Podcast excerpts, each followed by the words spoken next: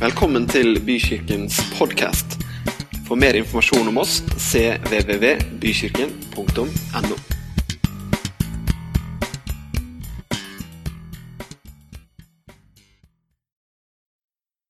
Dere, I dag så skal jeg dele noe av eh, Jesu kjerneundervisning, om du, om du vil. Så jeg takker deg, Herre, for at ditt ord skal få innpass i livene våre, i hjertene våre. At du skal gjøre det du ønsker å gjøre. I Jesu navn. Amen. Hvis du ser på skjermen, så er det bilde av et par kjekke karer her. Oi, ja! Hvem var det som sa 'oi, var det du'? Takk skal du ha. Det var en deilig reaksjon. Siden jeg var en av de på bildet. I går fylte pappa 74 år. Ja, nå, han er jo ikke her, ellers skulle vi ha sunget for ham. Men, eh, men det er han ikke. Men det her er fra en, eh, en tur vi hadde over, eh, over en, eller annen, en eller annen dam. Jeg har en far, en pappa, som har hatt en innvirkning på livet mitt. Han har sørget for at jeg har eh, fått spise meg god og mett. Det har vært eh, mat på bordet. Han har sørget for at jeg har, eh, syns jeg sjøl i hvert fall, endt opp sånn passe bra i livet. Han, eh, han, sammen med moderen da, som sitter der, har jo liksom lagt grunnlaget for, for, for den, jeg, eh, den, jeg, er. Jeg husker jo ikke alt det de har gjort, men jeg husker jo ganger hvor noen satte noen grenser for meg. Husker noen ganger at eh, de heia skikkelig på meg. Det klarer du, vet du. Jo da. Husker ganger hvor de la til rette for at jeg fikk være med på ting som ble betydningsfulle for meg. Jeg husker f.eks. én ting som det aldri var et spørsmål om. Om vi hadde penger til, eller om man skulle få lov til. Det var å være med på leir om sommeren. Det opplevde jeg aldri at det var noe uenighet rundt. For jeg tror de visste at hvis de er på leir, det er en sjanse for at de uh, får gode venner som også tror, og det er en sjanse for at de tar en bestemmelse for Jesus, og det er en sjanse for at det ene og det andre. ikke sant? Har du hatt noen sånne voksenpersoner i livet, kanskje ikke nødvendigvis i forhold til tro, men i forhold til idretten du er så flink i, eller musikken du er så til? Har du hatt noen sånne pådrivere? En instruktør, en lærer, en trener? Ja, noen har hatt det. Og du, som, eh, du kommer sikkert på det underveis hvis du har hatt noen. Og så tror jeg at det, det, har vært noen ganger hvor pappa, da, i, i, mitt tilfelle, eller læreren min for den saks skyld, har også noen gode lærere som jeg tenker på, som, som liksom ikke helt slapp meg når jeg egentlig hadde lyst til å gi opp. Noen som har hatt lyst til å gi opp? Nei, det der klarer ikke jeg. Det der er ikke noe for meg. Jo da, det der går bra. vet Du Du må bare Stay in. Du må bare liksom fortsette litt til. Bare gjør sånn. Nei, du må ikke gi deg. Nei, du må trene en gang til. Nei, du må ta en repetisjon til. Ta 15 minutter til. Fortsett en måned til. Ikke sant? Noen som kjenner seg igjen i noen sånne personer i livet? Ja. Sånne personer, de trenger vi for at vekst og utvikling skal skje. La oss høre hva Bibelen sier om det å vokse i tre kjappe skriftsteder. Vi roser oss ikke det her er i 2. Korinterbrev 10, vi roser oss ikke av noe som ligger utenfor våre grenser. Det vil si at vi roser oss ikke av andre menneskers arbeid. Vi har det håp, skriver Paulus, at etter hvert som troen deres vokser, skal virkefeltet vårt bli vidt utvidet ved dere. I Efeserbrevet så står det men når vi, i hverdagsbibelen, men når vi på en kjærlig måte står fast på det vi tror er sant og rett, vokser vi og blir slik Kristus ønsker.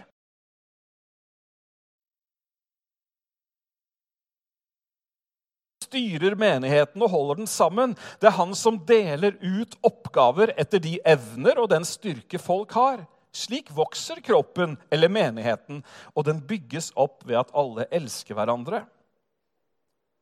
I 2. Tesalonikerbrev skriver han vi skylder alltid å takke Gud for dere, søsken, som rett er, fordi deres tro vokser seg stadig rikere, og kjærligheten dere har til hverandre, blir sterkere hos oss, hos hver enkelt av dere. Å vokse jeg husker for uh, I fjor så var jeg på en sånn temakveld på Hagesenteret. I alle dager er det på temakvelder på Hagesenteret. Ja, jeg er på temakvelder på Hagesenteret. Og temaet var, og det var mange foredragsholdere og sikkert hundrevis av mennesker, temaet var jord. Jord er viktig, skjønner du. Ikke sant, Kristoffer?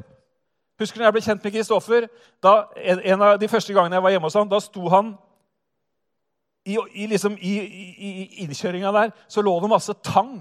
Tørka tang som han drev og knuste og blanda inn i jorda. Husker du det? Ja. Vagt. Har du slutta med det? Jo, for det var så viktig at jorda ble riktig. At de rette mineralene, at de rette tilskuddene, at det var på plass. Og det var det det dreide seg om på denne temakvelden også. Det var alle mulige ting du skulle gjøre og ikke gjøre for den saks skyld, med jorda, sånn at den kunne gi frukt. Vi skal lese dagens tekst, og temaet i dag er kort og godt såmannen.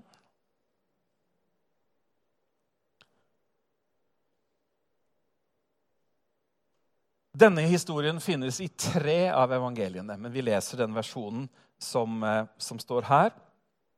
Nå er det Nei, unnskyld. Jesus begynte igjen å undervise folket nede ved sjøen. Det samlet seg en så stor folkemengde omkring han at han måtte gå ut i en båt og sitte i den ute på sjøen, mens hele folkemengden sto på land helt ned til vannkanten.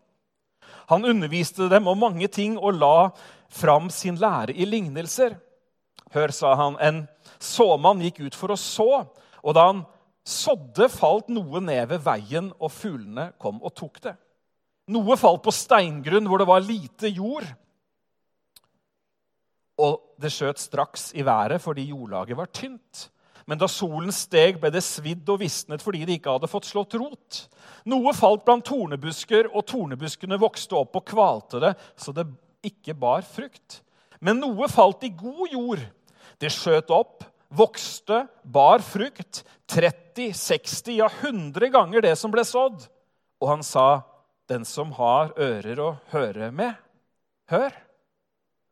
Da han igjen var blitt alene med de tolv og de andre som var eh, med ham, spurte de ham om lignelsene. Han svarte, 'Til dere er hemmeligheten om Guds rike gitt.' Men til dem som er utenfor, blir alt gitt i lignelser, for at de skal se og se, men ikke skjelne, høre og høre, men ikke forstå, så de ikke vender om og får tilgivelse. Og han sa til dem, når dere ikke forstår denne lignelsen, hvordan skal dere da forstå noen annen lignelse?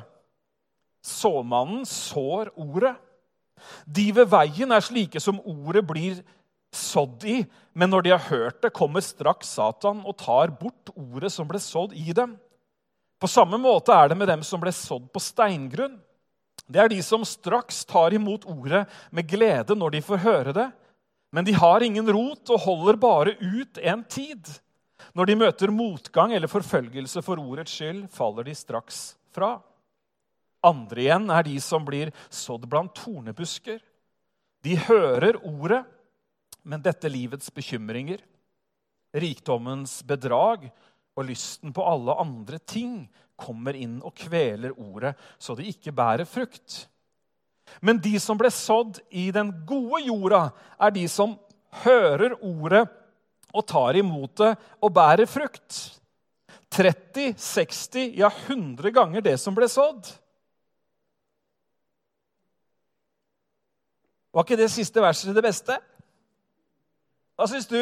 Hvor mange stemmer på det siste verset? Ja, vi liker det siste verset om god jord, så nå skal du få marinere deg en gang til i det siste verset. Jeg leser høyt.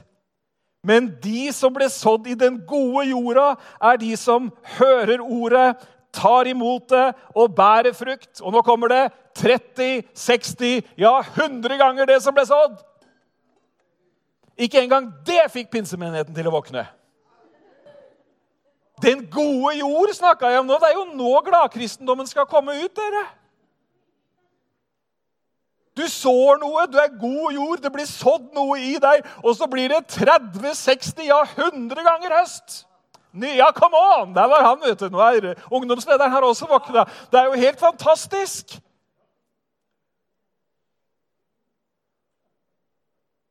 Altså, Det er ulike typer jord, men det som er så fantastisk her, vet du hva det er? Det er at såmannen sår ordet. Såmannen sår ordet. Ordet, det er Guds ord. De frøene han sår, det er Guds ord. Og såmannen sår ordet. Og i dag så skal jeg så ordet. Jeg gjør det stort sett hver uke. Jeg gjør det faktisk hver uke, tror jeg. Så så jeg ordet. Enten så så jeg ordet til noen som sitter foran meg, eller så så jeg ordet til mitt eget hjerte. Og der kommer utfordringen. Er det greit at vi kan snakke om utfordringer også? Ja, det var to som syntes det var greit. For dere andre så er det nødutganger bak på begge sider på midten og foran. Nei da, det var, et forsøk på å være morsom. Det var to som smilte. Takk skal dere ha. Du skjønner at eh, I dag så skal jeg snakke om så, såmannen. Jeg har allerede snakka om han. Jeg skal snakke om en uh, Gud som har gitt sitt levende ord til menneskeheten. Amen. Jesus kom da tidens fylde var inne. Så sendte han sin sønn, Jesus Kristus. Det levende Guds ord kom. Og ikke bare høyt kunne vi lese i profeten om hvordan Gud var. Plutselig så sto han der i kjøtt og blod, og alle kunne se hvordan Gud var. Den som har sett meg, har sett Faderen, sa Jesus. Såmannen sår ordet. Og så er det sånn at når såmannen sår og du kan, jo, du kan jo lure litt på da, hva slags såmann er dette her. Liksom, er dette en leksjon i dårlig jordbrukskultur? Tenk å kaste dyrebart såkorn på veien! Tenk å slenge ut såkorn på steingrunn! Alle vet jo at det er fånyttes. Men skjønner du at det, frelsen, det levende ordet Eneste, eneste måten å sikre deg at det blir sådd overalt på, det er å så overalt. Det er veldig kjedelig når du har sådd, og så har du glemt en eller annen stripe.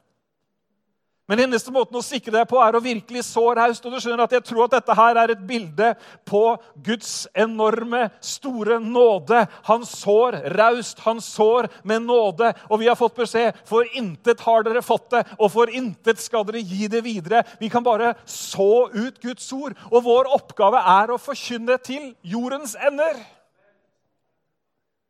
Men så er vi tilbake til utfordringen.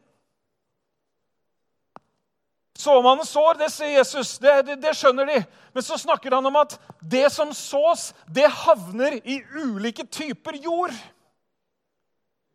Det havner hos ulike mennesker. Det havner ulikt i vårt indre når ordet går ut.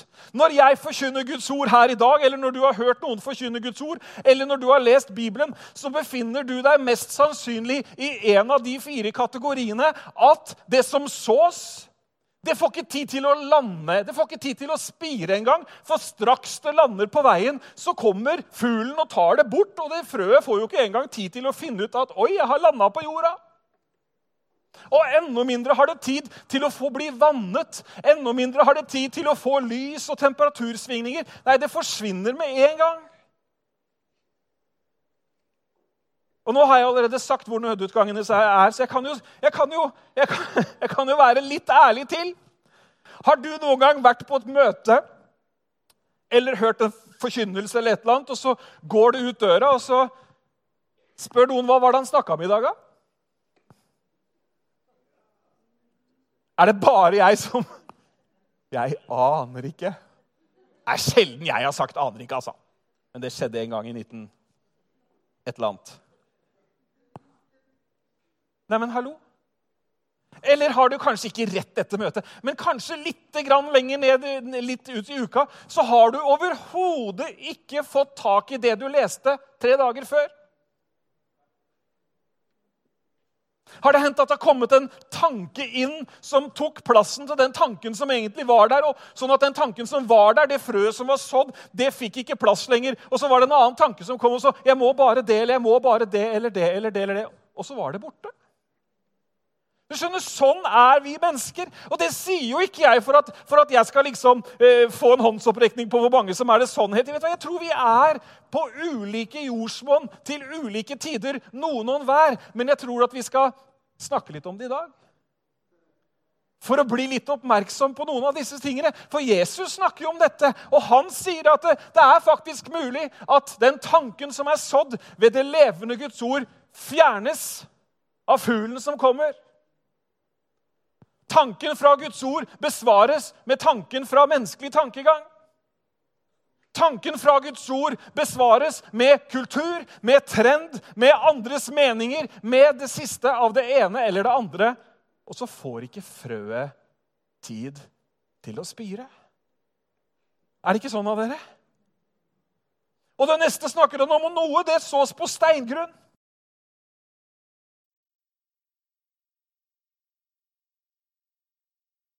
Dette sier Jesus, dette frøet det spirer og det skyter opp, og det ser egentlig ganske bra ut sånn en liten stund. Begeistringen er stor. Halleluja, Jesus er best!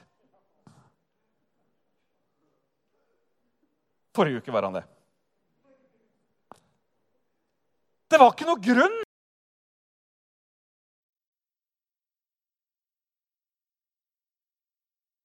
Det er jo helt fantastisk å være her. Her skal jeg Jeg kommer til å komme hit, for her er det kjempegodt å være. Begeistringen var stor. og Siden har jeg ikke sett det. Frøet traff. Guds ord, hans nærvær. Noe traff. Men så var det et eller annet, om det var den steinete jorda eller om det var den harde veien. det vet jeg ikke. Men det var i hvert fall ingenting feste. Og Jesus snakker om at for noen så er det sånn at de hører ordet, men når det begynner å koste noe, når man må stå opp for noe, når man må stå for det som er sant, når man må bekjenne Jesus Så er det som når sola svir det av. Det var ikke røtter der. Jeg har så tro på røtter, jeg. Jeg har så tro på røtter jeg har så tro Det høres så rart å si ut. Jeg har så tro på røtter. Vet du hva? Jeg har, jeg har så tro på røtter. Og her i Bykirken så har vi så tro på røtter. Vi, vi, tror virkelig at her skal alle generasjoner få plantes i Herrens hage. Amen. Ikke bare de eldre, ikke bare de yngre. Nei, alle sammen. Vi tror at vi skal være her så mye, at det skal vannes så rikelig, at temperaturen skal være så herlig at røttene liksom bare brer om seg og blir helt umulig å få opp. Det var fint. Det er barne- og ungdomsarbeid med suksess, det. Kan du skrive opp til Pinse Ung? Når det blir så vanskelig at røttene kan ikke fås opp, da er du plantet i Herrens hus. vet du. Hæ? Og til dere eldre det står om det, er det ikke Salme 92 da, at den som er plantet i Herrens hus, skal skyte friske skudd selv i høy alder. Amen. Gunnar Karlsen er også med nå. Det er fint. Ja, det er bra. Ja da. Alle generasjoner, vi tror på røtter. Og så er det noe som lander blant torner. Må jeg se, Nå har jeg kommet kjempelangt i manuset. nå har Jeg scrolla fire sider. Er ikke det fint? Bare elleve sider ute? Nei da, det er ikke det. Men noen frø lander blant torner. De lander faktisk i bra jord, men de lander blant torner. Det står ikke noe om at det er stein. Det står tvert imot at det spirer og gror. Men at det er, er, noen torner, det er noe ugress, det er noen andre ting som vokser opp, og som Det er jo drastisk språk, da, men det er jo Jesus jeg siterer. Det står at det kveles av tornene. Og Hvis det er sånn at Gud sår sitt levende ord inn i oss og ønsker at det skal bli 30, 60 og 100 fold Det var jo det det var da vi smilte, ikke sant? Herlig, det. Hvor mange er med på 30, 60 og 100 fold? Ja, så fint. Det er spennende. Veldig spennende. Men det er tydelig at det finnes en fiende mot 30, 60 og 100 fold. Og det er torner. Torner det er, eh, altså er noen som har fjerna berberisbusker noen gang. De skulle vært forbudt ved lov å plante berberisbusker. Det er helt umulig å få dem bort uten å Jeg vet ikke hva slags maskin man kan leie, men det, det stikker noe voldsomt. Og det fine med det er jo at hvis du planter berberis i en skråning, er jo at det, det tar faktisk livet av alt annet. Det tar over. Det er så vidt et og annet krastrå som klarer å presse seg gjennom, men, men, men det tar virkelig livet av alt annet. Men Jesus snakker faktisk da også om disse tornene, og han navngir hva tornene er. Hvorfor tror dere at Jesus navngir hva tornene som kan kvele troen, er? Hvorfor tror dere han gjør det?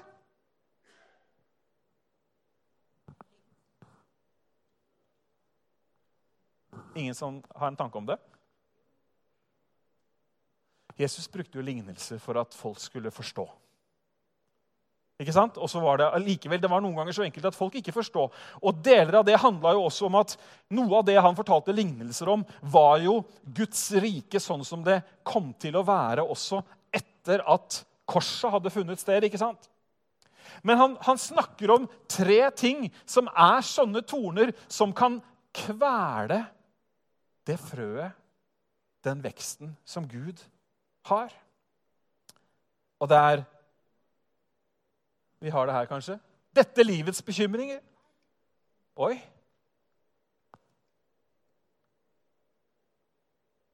Bekymringer kan være noe som kveler troslivet. Det er menneskelig å bekymre seg, er det ikke det? Noen bekymrer seg mye, andre bekymrer seg lite. Bibelen snakker mye om bekymring. Bibelen snakker om at vi skal kaste vår bekymring på Han. Bibelen sier at vi ikke skal bekymre oss for hva vi skal ha på oss, at vi ikke skal bekymre oss for hva vi skal spise, at vi ikke skal, at vi ikke skal Fordi at vår far, han tar hånd om oss. Likevel så er bekymringer en ting som kan være med på å kvele troens ord. Kan være med på å kvele det livet som finnes, det potensialet som fantes i det frøet som datt ned i den jorda, som har begynt å spire. Bekymringer kan være med på å ødelegge det som Gud hadde ment at skulle bli. Denne verdens, dette livets bekymringer.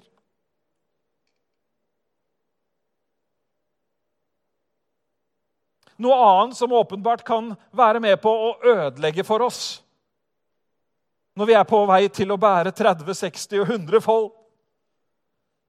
Det er rikdommens bedrag.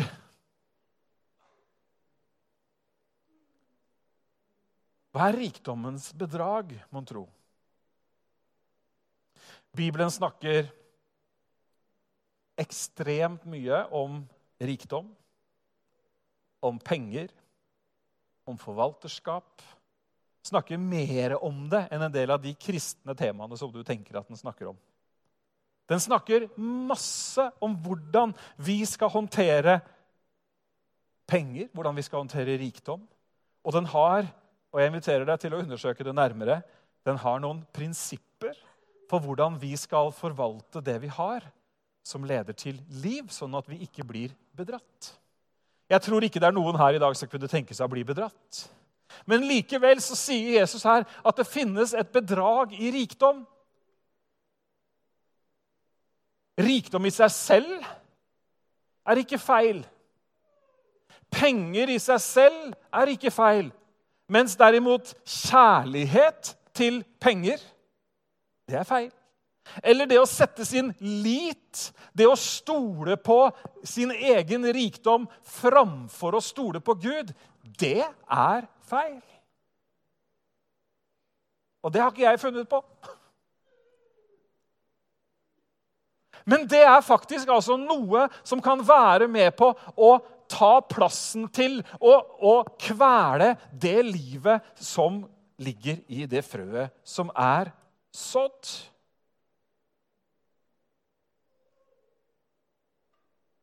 Og så var det det siste. Lysten på alle andre ting. Trodde det bare var når man var 7, 8, 10 og 12 år. Er det noen som kan fortelle om det varer lenger enn det? Jeg var ferdig med det da. Da var det over for min del. Da slutta jeg å si 'det vil jeg også ha'. Jeg slutta å si det, jeg begynte å tenke det isteden.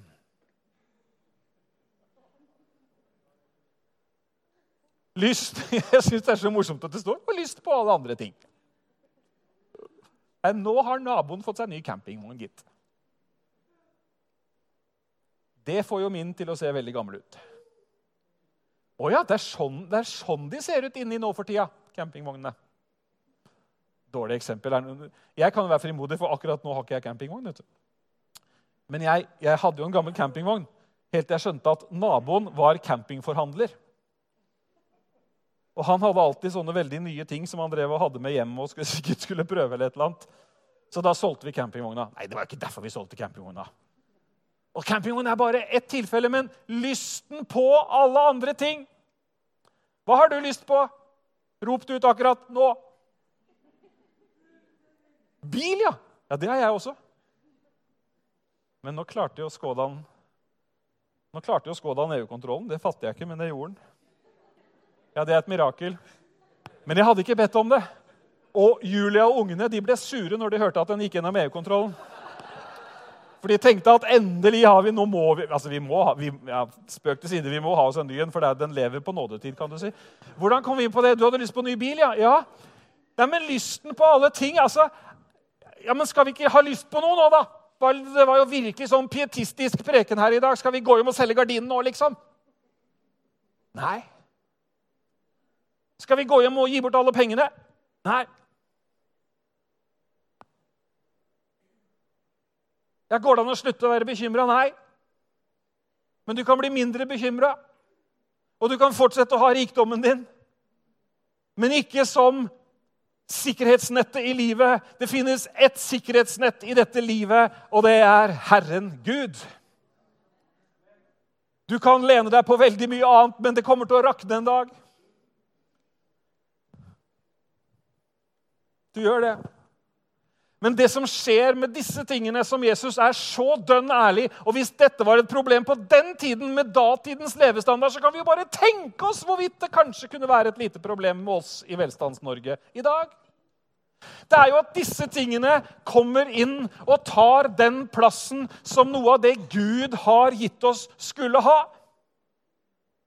Istedenfor å stole på Gud og regne med hans velsignelser, så sjekker vi bankkontoen og gjør noen investeringer og prøver å sikre oss på best mulig måte.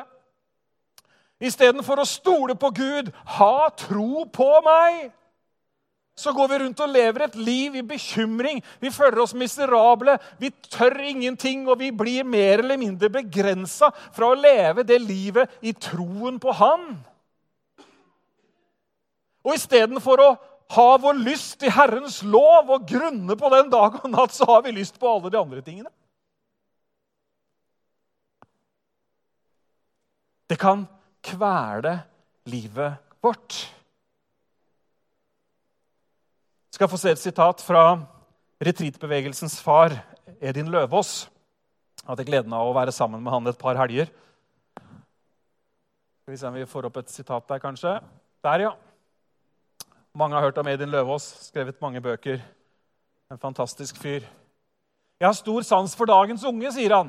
Når jeg har dem i tale, så utfordrer jeg dem. La dere ikke fange av deres foreldres småborgerlighet.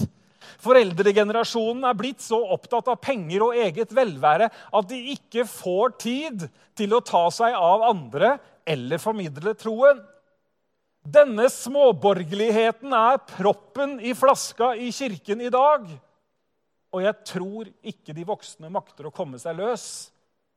Derfor håper jeg på de unge.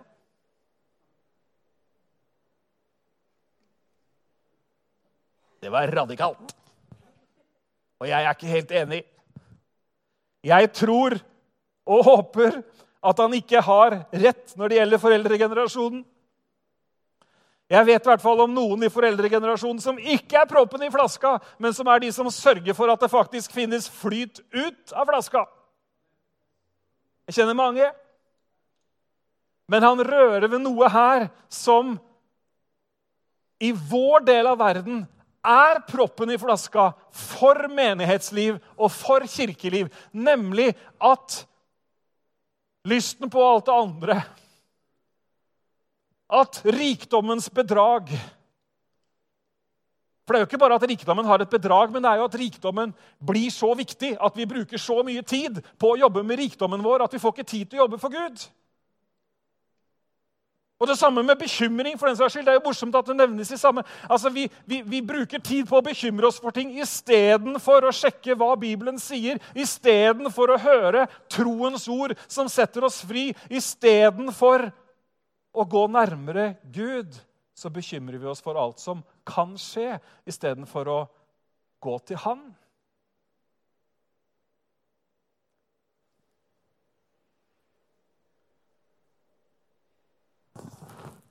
Jeg lurer på om han har rett.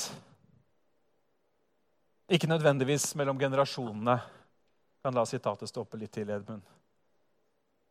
Men at disse tingene er proppen i flaska. Jesus kalte det for tornene som kvelte troen. Proppen i flaska er det som hindrer troen i å få utløp og få vokse.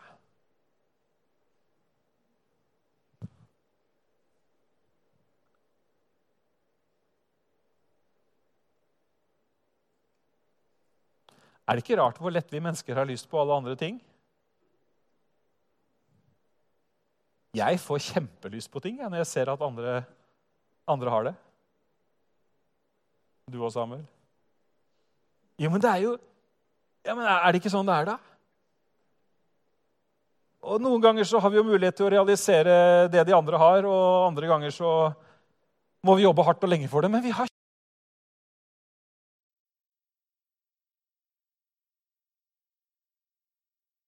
i seg selv er noe galt. Men hvis det å ha lyst på noe tar plassen til Han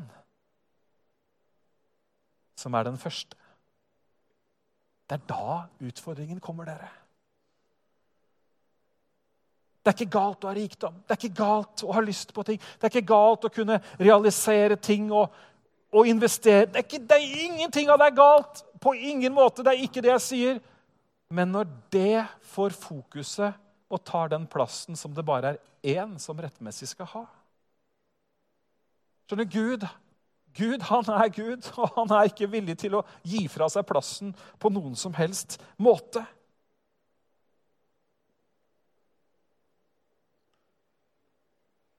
Har du noen gang vært på visning og fått lyst på nytt hus? Jeg hadde min gamle bil på verksted borti gata her.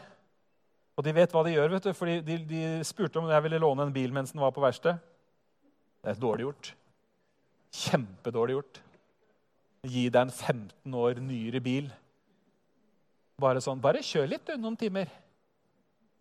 Overgangen til den gamle ble veldig stor. Fikk lyst på den, altså. Men for å være helt konkret, da Nå skal vi snart ha en annen bil, så det ble veldig mye bil. Men det her er mange år siden. Jeg kunne ha kjøpt den bilen de lånte meg. Jeg kunne det. Jeg kunne tatt Jeg kunne tatt tienden min, og så kunne jeg betalt lånet på den nye bilen. Jeg kunne sikkert oppgradert den litt også. Jeg kunne det. Kunne det. Null problem. Men det var bare det at eh, det, det første av det jeg tjener, det er ikke mitt. Det er det en annen som skal ha. Så mange av tingene vi gjør, handler jo om prioriteringer. Og her snakker Jesus ærlig om noen av prioriteringene som til syvende og sist dere, kan resultere i at troen ikke får plass, at det kveles, og at ikke det vokser opp og bringer frukt. For han vil at du og jeg skal få oppleve at troen bærer frukt. Det er håpløst mye snakk om frukt i Bibelen. Altså For en som ikke har frukt, så er det håpløst mye snakk om frukt. Og det er jo noe helt naturlig, jo, fordi at Guds rike er et vekstrike. Guds rike har et DNA i seg som er frø som spirer, som bringer nye aks med nye frø som spirer. Og Derfor så er Guds rike et multiplikasjonsrike. Og det ser vi i store deler av verden, at troen går veldig fram. Per i dag så er raten altså, eh, Det er flere som blir født på ny, enn det er mennesker som blir født for øyeblikket. På verdensbasis. Bare så du veit det. Nå ble du glad? Ja, ja, ja. Og vi kunne jo tenkt oss å se det her i Tønsberg også. Det kan godt hende at det begynner å skje. vet du. Men da må vi passe på at vi i hvert fall luker bort tornene. Sånn at vi kan få, få litt sånn Sånn at troen kan få skyte fram. Amen. Sånn at det kan få spire og gro og bli masse frukt. Siste punkt i dag før vi lander, er masse frukt. Masse frukt. Men noe havner i den gode jorda. Den gode jorda vet du, som har blitt forberedt, hvor det er klart hvor det tilføres vann, tilføres næring. Bibelen snakker om åndens frukt, kjærlighet, glede og fred. Det smaker godt, gjør det ikke det? Langmodighet, vennlighet og godhet. Det er nydelig å oppleve. Trofasthet, sakmodighet og selvbeherskelse det er god ettersmak.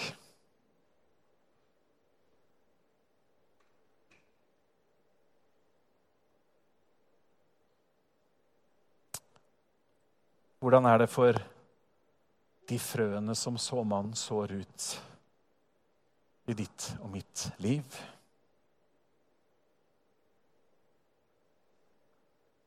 Jeg har sådd litt i helga de siste dagene. Og den ene bakken med frø driver jeg bærer ut og inn for at den skal få lys og varme mens sola er oppe. I natt tror jeg faktisk vi glemte den, Julia. så da er Det vel, det var ikke frostnatt, nei. Så da går det bra. Prøver å optimalisere forholdene for at frøene skal bli det de er tenkt til. La meg lese et par bibelvers på slutten når jeg får opp det første. Og han, så sa han til dem Nei, så sa han til alle om noen vil følge etter meg, må han fornekte seg selv og hver dag ta sitt kors opp og følge meg. For den som vil berge sitt liv, skal miste det, men den som mister sitt liv for min skyld, skal berge det. Hva gagner det et menneske om det vinner hele verden, men mister seg selv og går til grunne?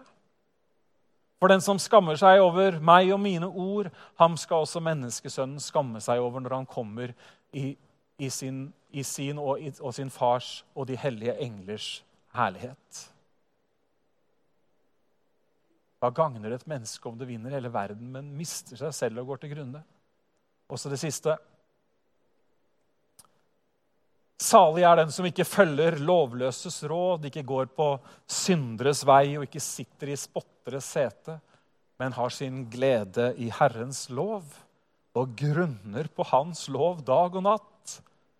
Han er lik et tre plantet ved rennende vann. Det gir frukt i rett tid, og løvet visner ikke. Alt han gjør, skal lykkes. Kanskje dere kommer fram, kjære lovsangere.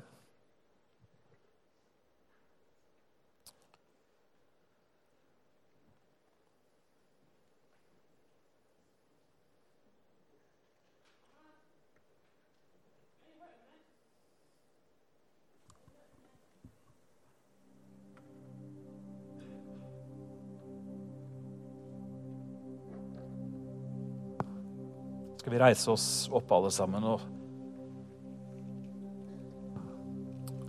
sammen søke Herrens ansikt.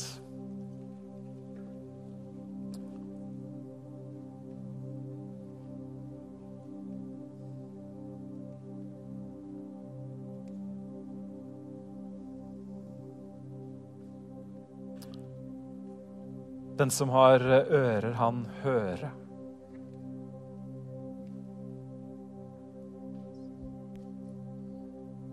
Vet jo ikke hvordan det jeg har sagt, har eh, landa i ditt hjerte. Det vet jeg aldri. Det kan jeg aldri planlegge. Det jeg kan gjøre, er å holde fram Jesu egne ord. Så kan du og jeg, vi kan gi en respons. Vi kan Vi velger selv hva vi gjør med det Guds ord minner oss om. Anbefalingen er klar. Gi plass til ordet, gi plass til frøet. I brevbrevet så står det et litt sånn trist vers. Der står det eh, Men ordene var til ingen nytte fordi de ikke ble ett med troen i deres hjerte. Sånne stein, steingrunn, eller harde veier. Og Det er sånn med Guds ord også at det er når vi tar det imot, når vi handler på det, det er da de får kraft til å spire og til å vokse. La oss være i bønn og tilbedelse, og så er det åpent der borte.